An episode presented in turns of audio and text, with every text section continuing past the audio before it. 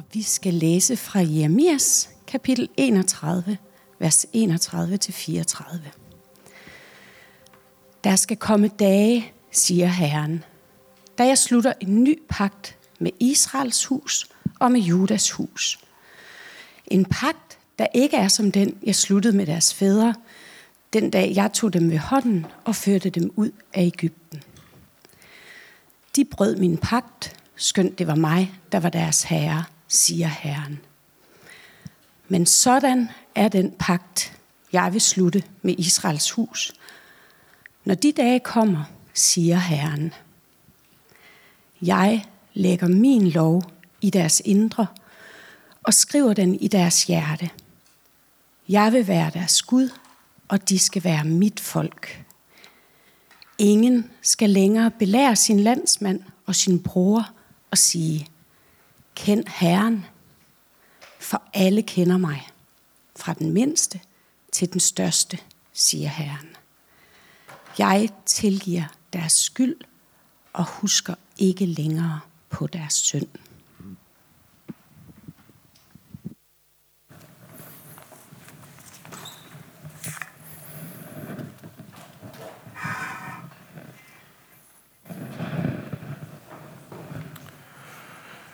Ja, det er pinse. Og øh, det er også vores kaldet og tanken prædikenserie, vi har gang i. Og derfor så handler prædiken i dag om det her med, når mange mennesker bliver kaldet på én gang. Når kaldet bliver kollektivt, kan man sige. Og øh, derfor så har vi simpelthen lige spolet tiden lidt længere tilbage end bare til pinsedag. Øh, den fortalte Lise om, og teksten, det var så fra Gamle Testament, den tekst, der også ligger til den her søndag. Øh, og jo simpelthen øh, forudsiger, hvad det er, der skal ske for at sætte pinsedag i scene. Allerede de her 500 år tidligere, der har Jeremias været i gang med at, at tale om den her nye pagt. En ny måde at være sammen på. En sted, måde, hvor pakten den rykker ind i os, ind i vores hjerter. Hvor det kan nærmest føles som mærkes, hvad det er, vi har med at gøre, hvor den faktisk påvirker os og påvirker måden, vi handler på, den her pagt. Gør os i stand til at kende godt, kende Gud, og ikke bare være bange for, at, at vi ikke lige gør det godt nok, eller prøve at holde nogle regler, vi ikke lige helt kunne finde ud af alligevel, som det var i den gamle pagt. Nu er pakten rykket ind i os. Nu er det en del af måden, vi handler på. Og det, det lyder egentlig så vildt, at selv sådan nogle, øh, nogle post-pinsekristne som os, som har haft 2.000 år til at lære det, vi er stadig lidt i tvivl om præcis, hvordan det her det fungerer, og om det egentlig er mig, det passer på, om det egentlig handler om mig, det her.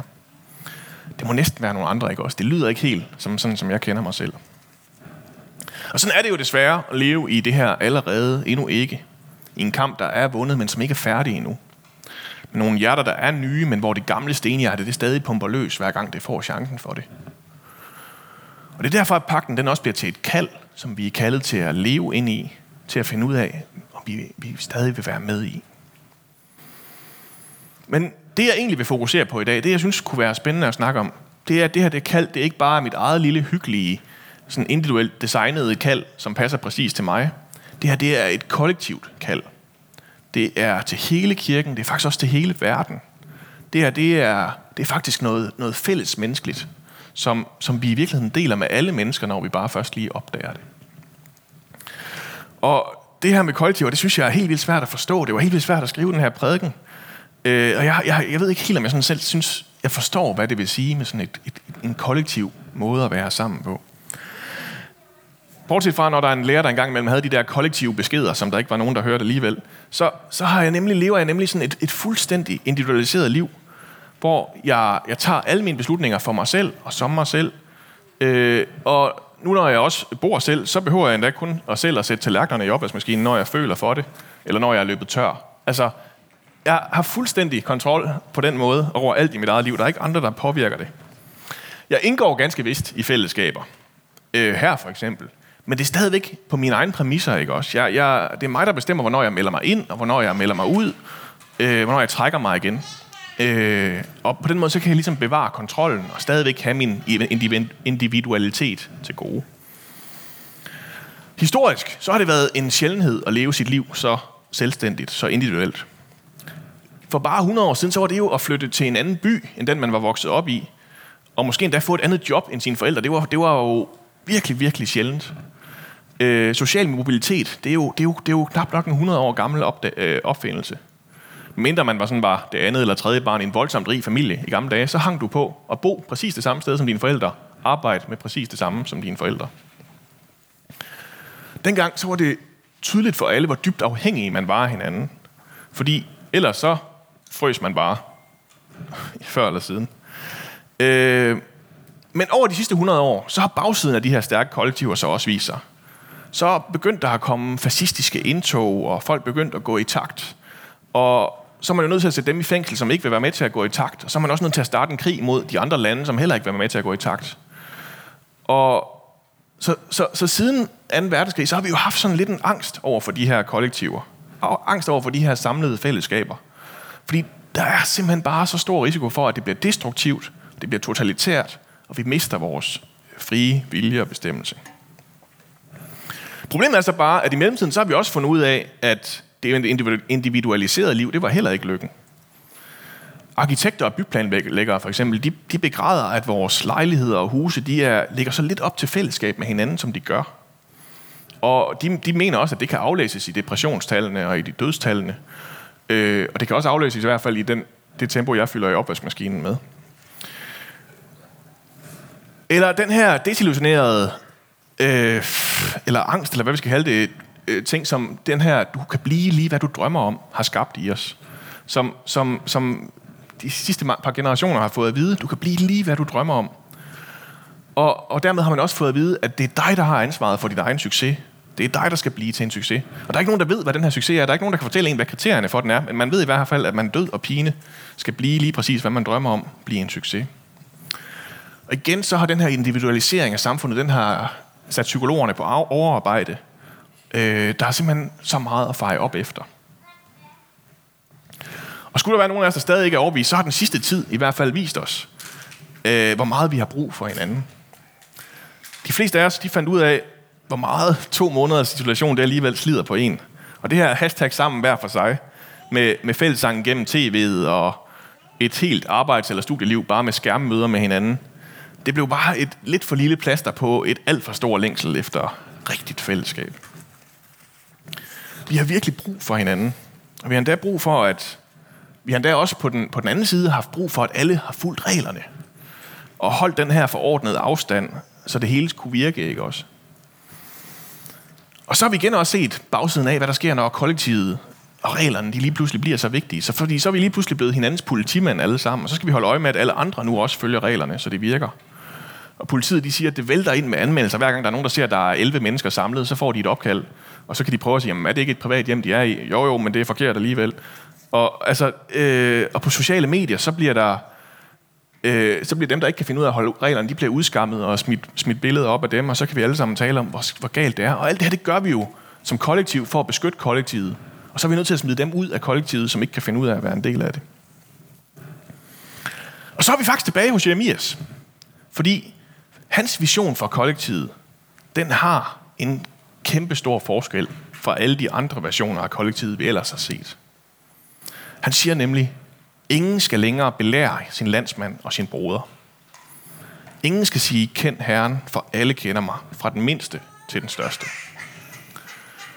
Jeg ser frem til at blive arbejdsløs som præst der. Det bliver en god pension, når jeg ikke længere skal belære nogen. Men i Guds rige så er der altså fællesskab, uden den her negative dimension af et fællesskab.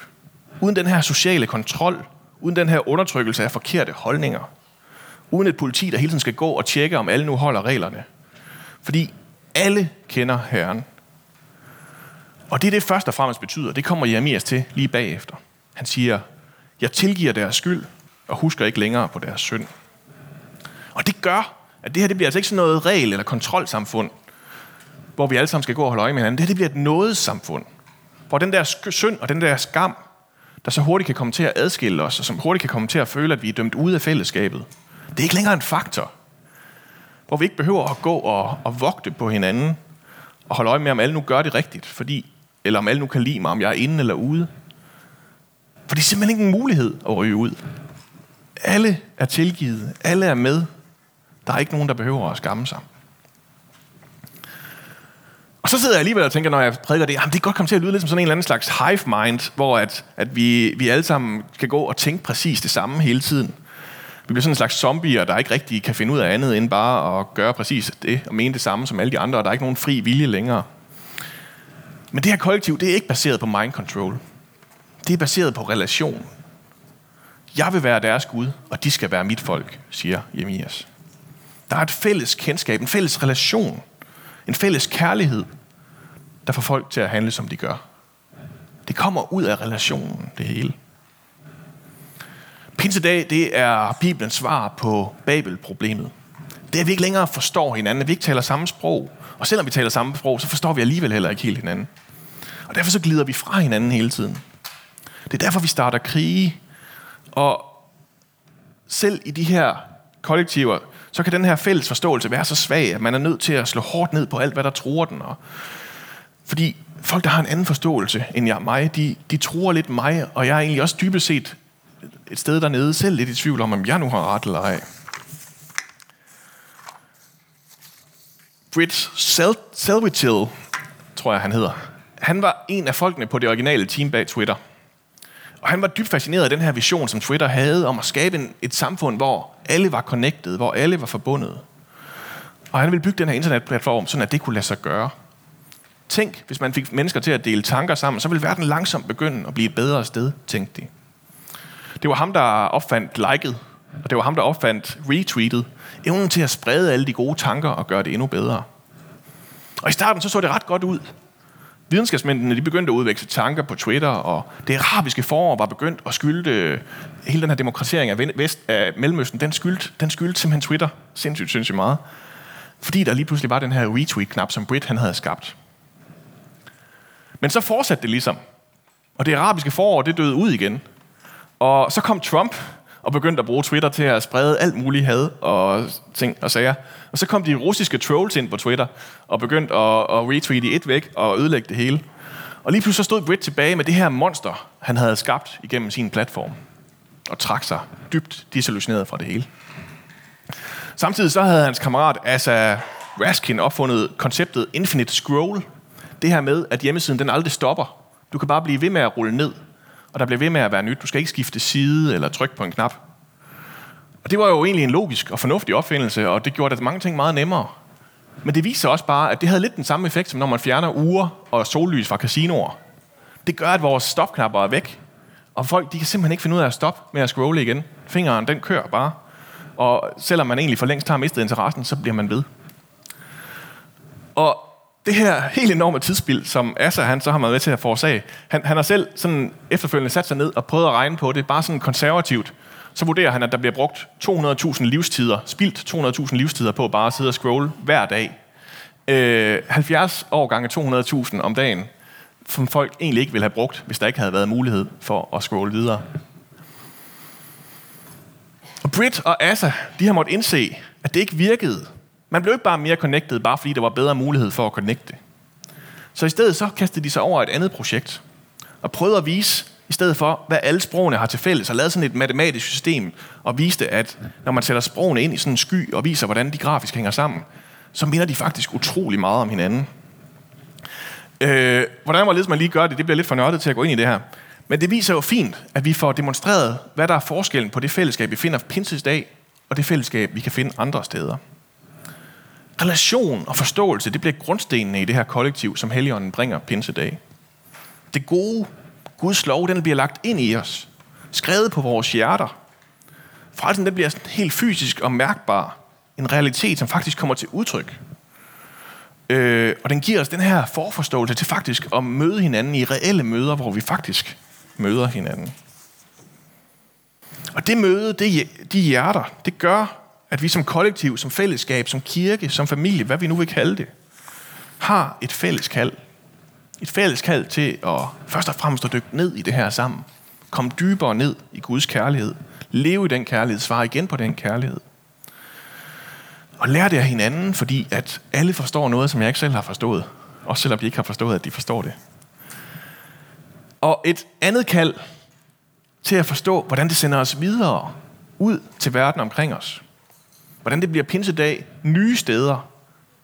dag efter dag, hvor det kommer til at stikke folk i hjertet, når der er nye parter og meder og folk fra Pontus og provinsen Asien og Vejgården og Sundby, hvor folk bliver meget, meget overrasket over, at de faktisk forstår, hvad der bliver sagt. Det er det, der sker pinsedag, og det er det, der kan ske, når Helligånden rammer os i hjertet. Og det bliver sjovt, specielt sammen med jer. Skal vi bede sammen? Far, tak fordi, at du bringer pinse. Du har sendt din ånd. Sendt din ånd i vores hjerter. Og tak fordi, at det giver os at forstå dig, forstå hinanden. Ikke længere skulle leve med skyld og skam, øh, med alt det, der adskiller os, med alt det, der gør, at vi ikke kan forstå hinanden. Det faktisk giver mulighed for at forstå dig, forstå hinanden, og komme ud over den her Babels oplevelse, hvor vi bliver fremmede for hinanden. Og fra det her kollektiv, den her